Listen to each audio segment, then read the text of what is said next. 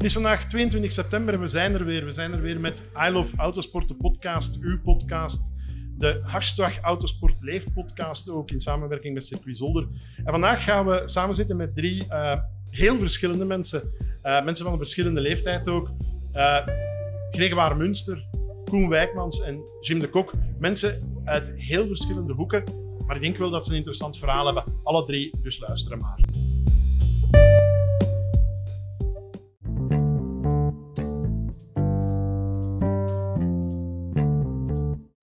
Gregoire, een rallyman in de podcast. Dat is al een paar keer gebeurd, maar niet zoveel als circuitmensen. Um, de rallywereld is ook iets kleiner in België, omdat je natuurlijk hebt één nationaal kampioenschap, geen drie of vier verschillende types competitie. Ik mag zeggen dat jij het uithangbord bent van de nieuwe generatie. Je hebt uh, Thierry Neuville uiteraard in het WK, meervoudig vice-wereldkampioen. Maar jij bent de man die het op internationaal niveau op dit moment probeert. WRC2, je hebt ERC gedaan een jaar of twee geleden, Belgisch kampioenschap. Stel jezelf eens even voor aan onze luisteraars. Wie ben je, hoe oud ben je en, en wat is je parcours tot nu toe geweest? Ja, dus uh, ik ben Gregoire, ik ben uh, 23 jaar oud. Um, ik ben begonnen te rijden in de Opel Adam Cup in Duitsland. Um, dat was een heel competitieve kampioenschap, omdat er 24 auto's aan de start waren. En uh, het was uh, super goedkoop om mee te rijden, dus uh, daarbij ben ik begonnen. En dan de junior kampioenschap in, in België. met de R2 gereden, nog steeds Opel Adam, ondersteund door Opel België. Dan zijn we met Louis Luca twee keer Belgisch kampioen, junior kampioen geworden. En dan hebben we de overstap gedaan naar uh, Rally 2-klasse met, uh, met de Hyundai. Uh, nog steeds in, in BK, maar ook in het Europees kampioenschap, waar we in 2020 derde overal zijn geëindigd. Ja, je hebt al een heel parcours afgelegd. Je zit nu onder de koepel van Hyundai. We hebben eigenlijk deze vakantie um, een heel mooi evenement gehad in eigen land, Ieper. Um, dat was een beetje moeilijk voor jou. Je hebt meegedaan met de wereldtop, maar op het einde was je toch niet helemaal tevreden. Vertel eens jouw verhaal van Ieper, van, van binnenuit. Ja, inderdaad. Uh, we waren niet uh, 100% tevreden op het einde. Ik denk dat we zeer goed gestart zijn. Uh, misschien een beetje parcourskennis ook. Dus we zijn vrijdag stonden we vierde, denk ik, bij de WRC2-klasse. En, en dan hebben we eigenlijk met de, de setup niet, niet veel verbeterd. We waren nog op zoek naar verschillende dingen. Maar onze auto heeft gewoon nog niet eh, veel kilometers op, uh, op asfalt gereden. Dus uh, ik denk dat daar het verschil heeft gemaakt met de andere concurrenten. Die dan ja, gewoon wat parcourskennis hebben opgedaan en gewoon ja, meer vertrouwen hadden op de typische Belgische wegen.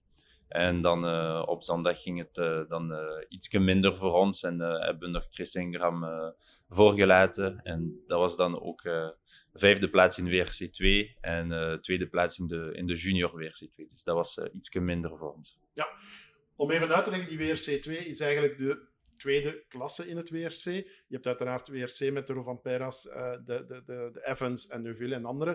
Um, maar jullie niveau ligt ook zeer hoog. Getuigen het feit in Ieper de nummers 1 en 2, Lefevre en Mikkelsen, als ik me niet vergis, zijn jongens die in het WRC gereden hebben. Ja, inderdaad. Uh, maar rally draait uh, gewoon over, enfin, rond ervaring. Ehm, het is parcourskennis, de auto kennen en dan ja, gewoon goede notas maken. dus ja, het is alleen ervaring en die, die, die piloten die rijden al meer dan tien jaar. Ze zijn voormalig WRC-piloten. Dus voor ons jongeren is het niet evident om met hun mee te strijden. Maar, uh, maar het is wel goed, want uh, dat is gewoon topniveau. En je weet dat als je daarmee uh, mee kunt, dan zit je de goede weg op. Dat is een beetje een discussiepunt geweest, want dit jaar in het BRC, waar jij ook nog wedstrijden van rijdt en gereden hebt ondertussen, in dat BRC zit een Fransman in, Stefan Lefevre, die het niveau wat mij betreft naar boven trekt. Hè, want je krijgt een eikpunt dat beter is dan wat je gewoon bent. sommige mensen vinden dat niet leuk. Um, neem aan dat jij als gemotiveerde jongere wel zegt van ja, verdomme, want dan kan ik mij meten met iemand die toch hè, WRC2 wedstrijden wint en die toch in WRC gereden heeft voor Citroën.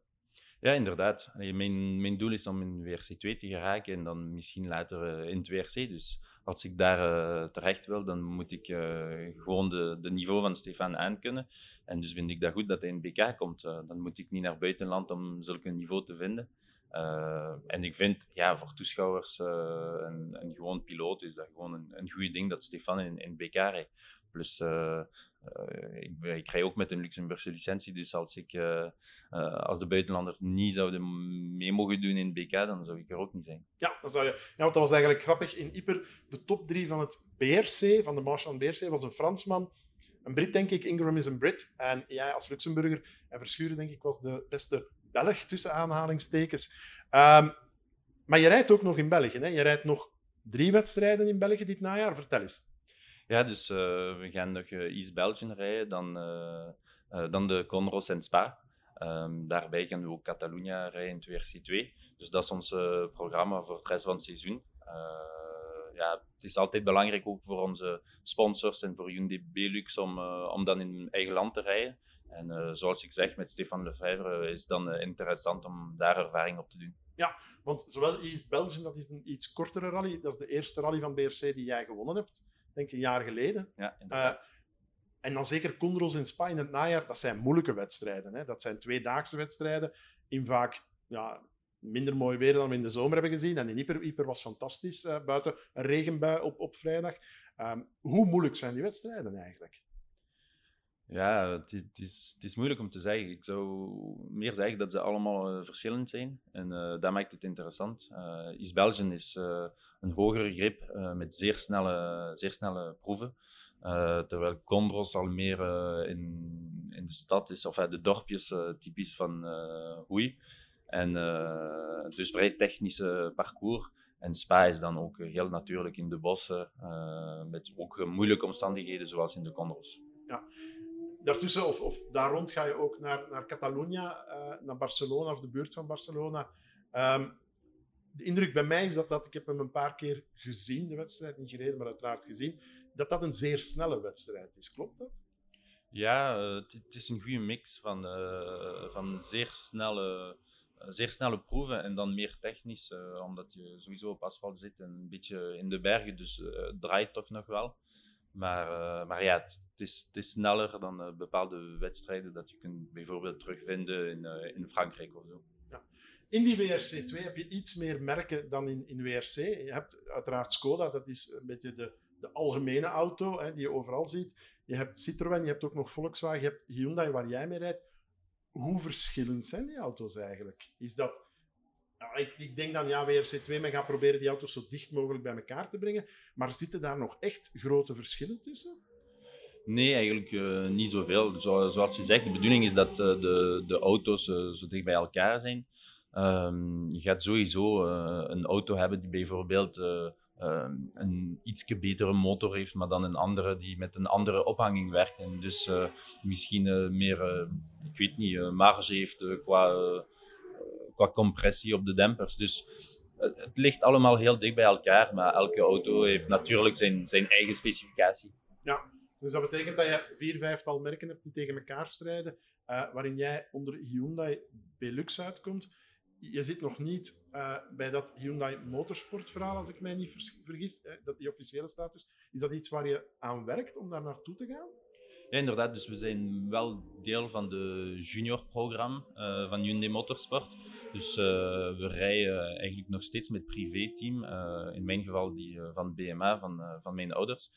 Maar, maar ja, dus dat is gewoon een ondersteuning die we direct krijgen van Hyundai Motorsport om dan ervaring op te doen in privé-teams om misschien ooit bij een WRC-team te geraken. Ja, dan wens ik in ieder geval het allerbeste voor een mooi, want ik denk dat het een heel mooi najaarsprogramma is met Catalunya, WRC en dan drie van de mooiere wedstrijden toch van ons Belgisch kampioenschap. Belgisch kampioen worden zal dit jaar moeilijk zijn tegen Stefan. Ik denk dat hij ongeveer zeker is van de titel.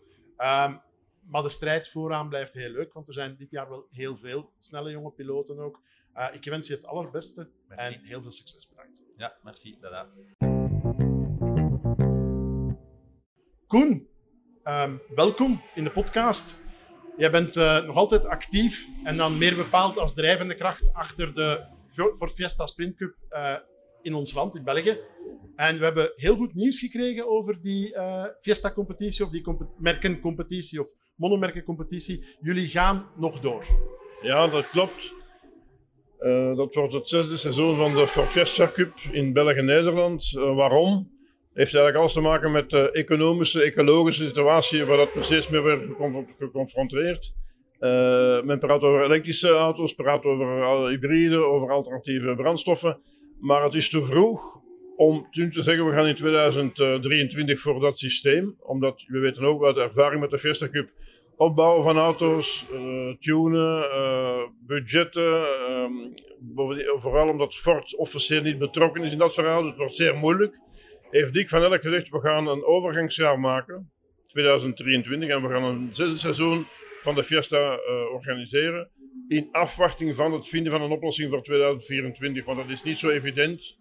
Um, het is makkelijk om te zeggen we gaan elektrisch rijden, maar je weet ook uit ervaring en ook de competities die ons omringen in dat soort competities, is het niet zo makkelijk om die auto's uh, op de baan te krijgen, onderdelen. Dus Dick heeft gezegd nee, we gaan verder voor een uh, zesde seizoen. Vooral ook omdat de betrokken Ford-dealers in België uh, akkoord waren om verder te gaan. Het was wel belangrijk, want stel dat zij gezegd nee, we stoppen ermee, dan hadden we waarschijnlijk wel gezegd nee, we doen niet verder, omdat de Ford-dealers 90% van het veld bevolken. Ja, het feit dat jullie verder gaan is ook een goede zaak voor de vaak jongere rijders. De budgetkwesties. Want net omdat jullie met een auto rijden die geen ST of GTI is, maar een echte baanauto, die dan wat ontwikkeld is om te gaan racen, betekent dat de budgetten lager liggen. Dat is goed nieuws dat jullie verder gaan. En is dat ook niet het probleem met al die alternatieven, elektrisch, hybride, dat die sowieso veel duurder gaan zijn? Hoe dan ook stel, stel dat je een Puma elektrisch zou gaan uh, runnen, alleen de opbouw van die auto, die Fiesta die is aan zijn vijfde seizoen toe, die is eigenlijk tussen haakjes afgeschreven. Uh, we weten waaraan en waaraf, wat, wat zijn de problemen geweest, welke, wissels, welke onderliggingen stuk.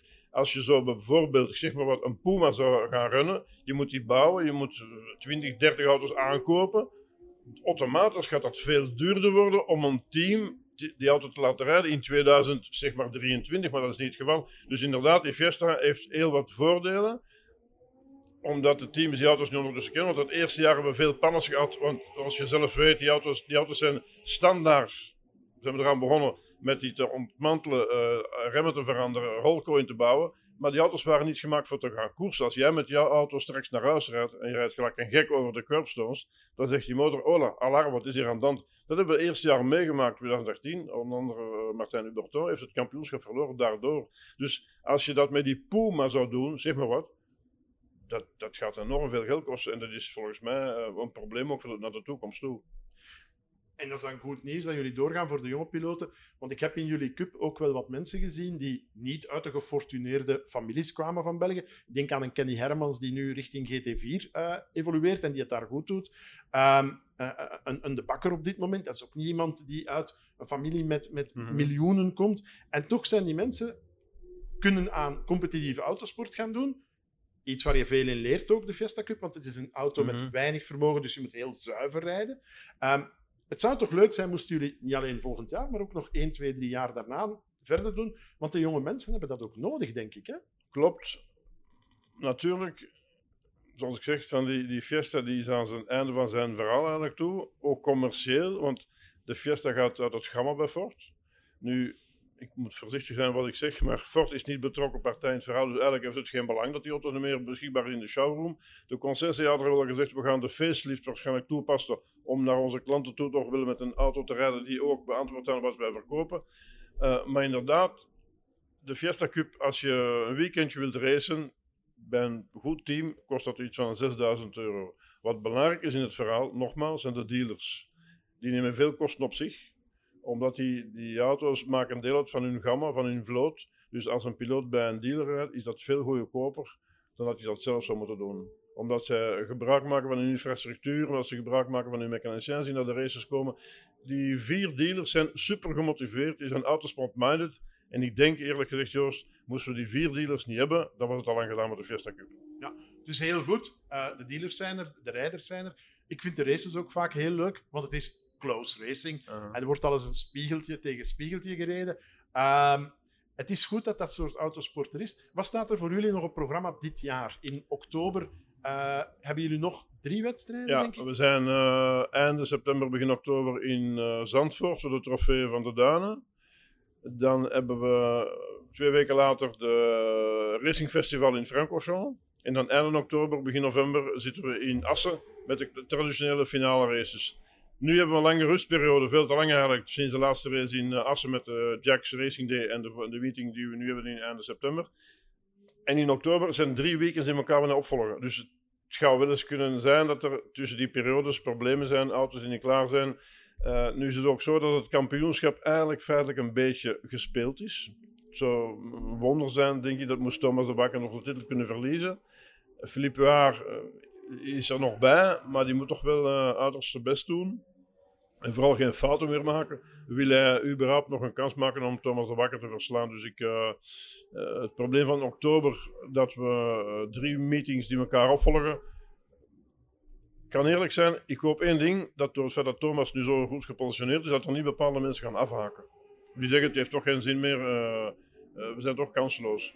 Want het is ook zo dat we dit jaar het kampioenschap hebben een beetje aangepast, omdat Kobo Pauwels die uh, wou meedoen, maar die kon één race niet komen. En hebben we gezegd van, uh, zijn er schrapresultaten? Nee, we hebben het reglement aangepast om die schrapresultaten te kunnen in te voegen. Dat maakt dat Nathan van Springel daar ook ging van profiteren, maar die is ondertussen afgehaakt. Kobe Pauwels heeft ondertussen één meeting extra laten vallen. Dus qua punten staat hij veel te ver naar achter tegenover Thomas de Bakker. Die gaat nog rijden, die gaat natuurlijk meespelen voor de overwinning. Die gaat punten kunnen afpakken van Thomas de Bakker. Maar in de, in de tussenstand van de punten wordt het volgens mij zeer moeilijk om Thomas de Bakker van die titel te behouden. Ja. Je hebt al een, een, aantal mooie namen op die herenlijst. Thomas die er zou kunnen bijkomen. Kenny Hermans, ik heb daarnet gezegd, die uh, richting GT4 gegaan is. Uh, niet vergeten, in het begin ook de Zone Redant, die toch ondertussen eh, uithoudingswedstrijden aan het rijden zijn.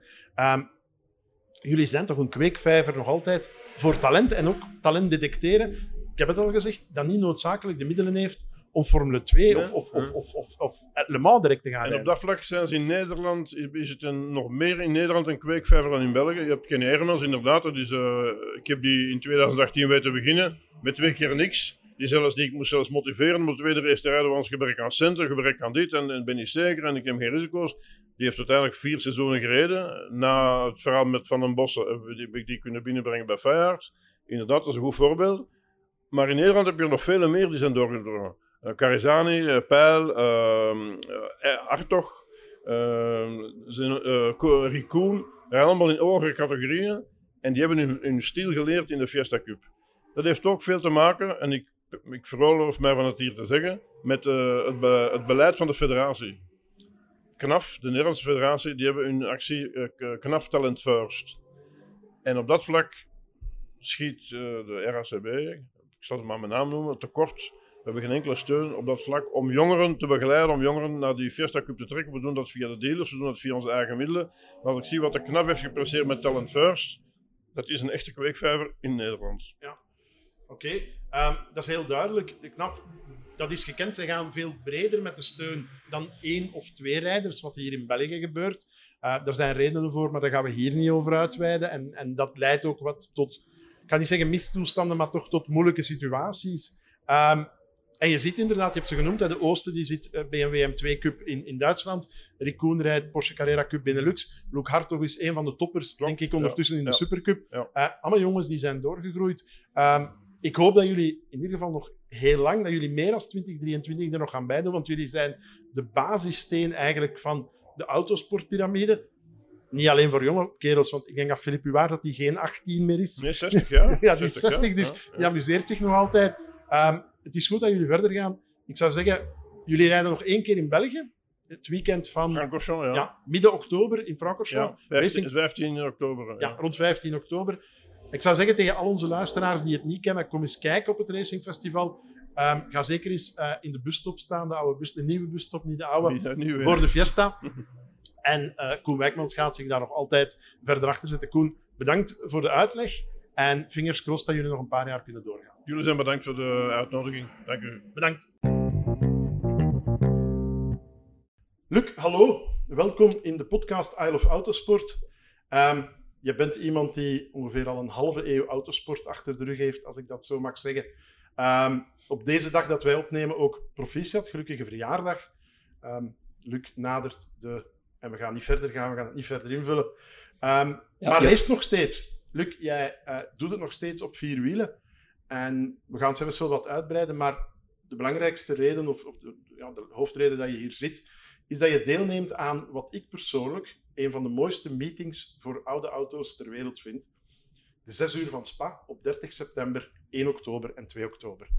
Um, kan je eens uitleggen aan onze luisteraars, stel iemand heeft daar nog nooit van gehoord, um, wat is dat en waarom moet hij daar eigenlijk naartoe komen? Ja, als je eerst en vooral eh, bedankt om mij hierbij te hebben. Uh, mijn ouderdom mag gerust geweten worden. Inderdaad, bijna 70. Dus ik word 69 vandaag. Uh, ik geloof het zelf eigenlijk niet. maar het is nu eenmaal zo. Oké, de, de Spa Six Hours, dat is, is, ja, als autoliefhebber is dat een absolute must-see, must-be uh, evenement. Dat is uh, het mooiste dat je kunt zien op gebied van autogeschiedenis. Er zijn meer dan 600 auto's ingeschreven. Dat zijn een, een heleboel reeksen. Dat gaat van GT's naar Formule 1 naar prototypes, Formule Juniors uh, en zo verder. ja, absoluut een, een, meeting waar, dat je, waar dat je moet zijn. de sfeer is onvergelijkbaar. Formule 1, oké, okay, dat is fantastisch, dat is ongelooflijk. Maar de echte pure autoliefhebber, die gaan naar de Spa Six Hours. Dat is een aanrader voor iedereen. Ja. De Spa Six Hours is eigenlijk één wedstrijd die zijn naam gegeven heeft aan de volledige meeting. Inderdaad. En als ik ja. me niet vergis, ze starten ergens rond vier uur op zaterdag. En ze doen het zes uur lang tot in de duisternis. Inderdaad, de zes uur wedstrijd die start uh, ja, klassiek om, om vier uur. Maar er zijn heel, de Spa Six Hours, dat is, dat is eigenlijk een verzamelnaam van, van een heleboel uh, wedstrijden. En die zijn dan enerzijds door uh, Roadbook, Vincent Collard, georganiseerd. Anderzijds de, de Masters, de Masterseries, die alom gekend zijn, die wereldwijd ook actief zijn. Wat zo was samen met Peter Otto het, het, het meest vooraanstaande is, het, het hoogste niveau ook. Dan hebben we nog Motor Racing Legends, die daar een aantal wedstrijden organiseert. Maar altijd met die fantastische auto's, met een geschiedenis die, die heel authentiek is. Want zonder die authentieke geschiedenis, dat wil zeggen dat je een, een ATP paspoort moet hebben. Dat is een officieel FAE-paspoort die bevestigt dat de auto origineel en volledig volgens de datum van constructie uh, in die staat zich bevindt en dus mag deelnemen aan die wedstrijd. Het feit dat jij daar rijdt is eigenlijk ook zo'n authentiek verhaal. Uh, jij neemt deel met een TVR, een auto uit uh, Groot-Brittannië. Um, je neemt deel aan de 6 uur race. Heel even uitleggen voor de mensen. Die 6 uur race is een wedstrijd eigenlijk voor GT en tourwagens. Um, met, met vooraan, mag ik zeggen, Ford GT's, die daar, die daar de ja. Jaguar E-Types. En jij rijdt met een TVR mee. Wat uh, belangrijk is aan deze wedstrijd, is dat de auto's, uh, je mag deelnemen tot en met 1965, het bouwjaar. Uh, inderdaad, die E-Types, die GT40's, Cobra's, Bizarrinis, fenomenaal wat daar allemaal aan te pas komt. Ja, dat zijn, dat zijn machtige auto's, alleen al om te zien en vooral te horen, horen rijden. het geluid is ook fantastisch van die oudere auto's. Moeten we van genieten zolang dat we ervan kunnen genieten. Dat is inderdaad, dat zijn de snelste auto's. Wij zijn met een, met een heel ander auto uh, actief daar. Dat is een TVR, TVR Grantura. Dat is de tragere versie van de Tuscan. De Tuscan zou eigenlijk de auto zijn ja, waar je voor een algemene overwinning kunt gaan. Met die Grantura is dat niet, niet zo. Maar het feit dat we erbij zijn met deze auto, dat is wel dankzij zijn uh, ongelooflijke historie. Deze TVR die heeft, deelgenomen, die heeft deelgenomen aan uh, de Sebring 12 Hours in 1963 en werd dan bestuurd door Mark Donoghue.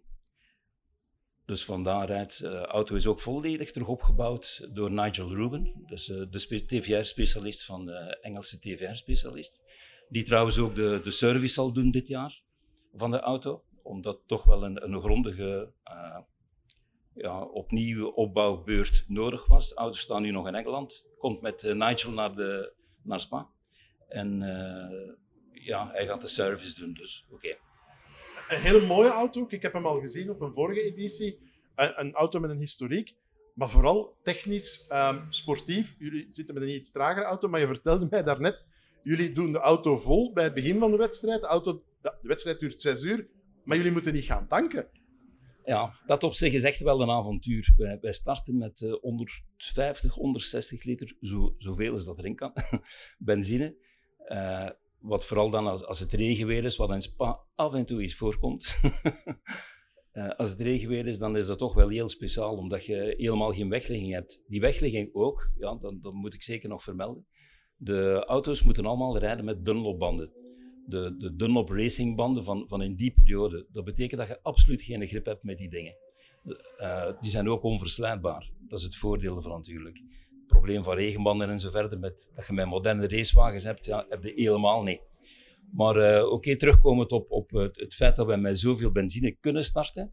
Als wij een beetje geluk hebben, en er is, zijn een paar safety cars, wat eigenlijk onvermijdelijk is, zeker te weten omdat je met startveld zit van over de 100 auto's. Uh, als we een beetje geluk hebben, dan hoeven wij niet te tanken. En dan schuiven wij stelselmatig nadat uh, de wedstrijd vordert, naar, naar, het einde toe, schuiven wij continu naar voren. Uh, betekent dat wij, ja, laten we zeggen, tussen de, de 12e en de, en de 18e plaats, dat dat echt een reëel iets is om, uh, om aan te komen. Dus ja, dat is buitengewoon. Hè. Dus je tankt niet als je geluk hebt. Banden wisselen hoeft ook niet als het niet regent. Ja. Of, of. Ja. Maar je wisselt wel van piloot, hoop ik. Wij wisselen inderdaad van piloot. We zijn met drie piloten. Ik zelf neem sowieso de start, omdat ik, ja, s'avonds heb, ik moeite met, met mijn zicht. Misschien is dat gerelateerd aan de ouderdom, ik weet het niet, maar het zou kunnen. Hè. Het zou kunnen. Dus dat, is een mooi avontuur. Het hele weekend baat ook in een sfeer, want het is niet alleen wedstrijden. Er zit de, village is er, waar mensen eigenlijk van alles kunnen kopen, dingen kunnen zien. Ik heb gehoord dat er ook een school gaat staan van mensen die gespecialiseerd zijn in oudere techniek. Mhm. Um, het is een fantastisch mooi weekend. En het past eigenlijk in wat ik daarnet zei, of, een, of niet daarnet in een vorige aflevering in die autosport leeft. Het is niet alleen de moderne autosport, want we hebben mooie meetings gezien deze zomer in Spa, in Nieper, in Zolder. Maar ook de Spa Six Hours, dat is ieder jaar op corona na volle bak, als ik dat zo mag zeggen, qua bezoekers. Hè. Dat, is... dat is ook zo. En dat is, ja, dat is eigenlijk een, dat is een wereldmeeting. Hè. Je, hebt, uh, je hebt Goodwood, je hebt uh, Laguna Seca en je hebt de Spa Six Hours. Dus daarbuiten... Um, je hebt natuurlijk een enorme historie, daar gaan we niet verder op ingaan, maar je recente avontuur was eigenlijk dat met de Norma M20 FC, die we nu uh, nog zien in, in de Supercar Challenge. Um, rij jij zelf er nog mee, of is dat stilaan een afgesloten verhaal? Dat, is, zeker geen af, afgesloten verhaal, echt niet. Uh, feit is wel, ja, die, die Norma, dat is, uh, dat is compleet anders autorijden dan, dan ja, de Historics ik rij historic ook nog met de Lotus uh, Elan, 26 jaar. Uh, eigenlijk ben ik vrij nieuw in die historics. En ik ben nog altijd aan het leren, maar oké, okay, uh, het, het, wordt beter en beter. Hè. Um, ja, laatste wedstrijd in Assen was ik zelfs algemene overwinning, omdat ik daar de tweede was in de eerste race en de derde in de tweede race. Resultaten worden samengeteld. En ja, ik had, ik had de, de mooiste beker. Ja. en daar doen we het nog altijd voor. Nu, uh, met de Norma, dat is zeker niet afgesloten en dat is nog altijd fantastisch. Maar ja, die Norma's, dat zijn, dat zijn jachtvliegtuigen. Hè. En een jachtvliegtuig, oké, dat, uh, dat heeft wel wat impact op uw lichaam. De, de G-krachten daar, uh, ja, die zijn enorm met die Norma's. Maar het is een open auto en, en open rijden is altijd wat ik altijd willen doen heb. Dus een gevolg van ja, ondertussen uh, 40, 45, 50 jaar geleden, toen als ik met de monoplas, met de inzitters gestart zijn, is die liefde voor open auto's is, is altijd gebleven. En ik krijg met de Norma enkel nog als ik echt goed getraind ben. Want mijn lichaam, uh, ja, dat, dat heeft ondertussen zijn beperkingen. Uh, in die Norma wordt uw lichaam wordt echt uiteengetrokken van, van de hevige krachten die die, die auto uh, u laat ondergaan. Ja, dus dit jaar, dit jaar, de Lotus ook. Uh, een auto die we eventueel, is de laatste vraag, ook in zo'n meeting zouden kunnen zien als de zouden, of niet? Is die daar te jong voor? Of, of? Uh, nee, dat zou wel kunnen, maar ik, ik doe, dit jaar doe ik een Nederlands kampioenschap van origine Nederlandse uh, organisatie. Maar uh, mocht niet vergeten dat die wedstrijden die zijn in Nederland uiteraard, België, Duitsland en Zweden dit jaar. Dus uh, een van de vier FAE erkende kampioenschappen, waar opnieuw die ATP, Dus die erkenning van uh, originaliteit uh, noodzakelijk is om te mogen deelnemen. Dat is echt een, echt een vrij hoog niveau. Alright, ik zou kunnen rijden met die Lotus, maar ja, het auto is helemaal nieuw. En zes uur is toch wel uh, heel veel asset voor, voor, voor de auto, voor de mechaniek. Dus ik spaar hem liever om, om dit Nederlands kampioenschap, de NKHT-GT noemt dat, te rijden samen met een aantal masterswedstrijden. En ik rij in de masters zei ik ook mee in de zes uur. Ah ja, dus je hebt een dubbel programma. Ja, ja, zes uur. Dus de fanclub van Luc de Kok mag zich opmaken voor een dubbel programma. Want jullie rijden dan nog op zaterdag of zondag? Of rijden jullie twee wedstrijden Eh, eh, in, in de Masters? in de masters is één wedstrijd, maar dus op zondag. Ah ja, op zondag. En de zes uur is, is, Is op eh, zaterdag. Op zaterdag. Ja. Eh, ik zou zeggen, veel succes in de Spa Six Hours. Ehm, ik zou ongeveer iedereen die nu luistert willen uitnodigen om te komen. En als hij eh, ergens in de familie een oldtimer vindt, kom met de oldtimer, want dan mag je op een andere parking staan. Ja. Ehm, het is een fantastisch evenement en het drukt eigenlijk uit wat wij hier ook willen uitdrukken, de liefde voor de auto en de autosport. Ja. Luc de Kok, bedankt en geniet nog van je verjaardag. Oké, prima. Bedankt. De aflevering van 22 september zit er alweer op. Aflevering 12 van I Love Autosport. De podcast in samenwerking met Circuit Zolder. Wij geven afspraak begin oktober, vlak voor een fantastisch weekend hier op Circuit Zolder met NASCAR en Belcar, de finale. Ehm, we kijken er al naar uit. We gaan in die aflevering vooruitblikken op wat er nog komt in dit najaar. En we geven afspraak met u, trouwe luisteraar. Bedankt.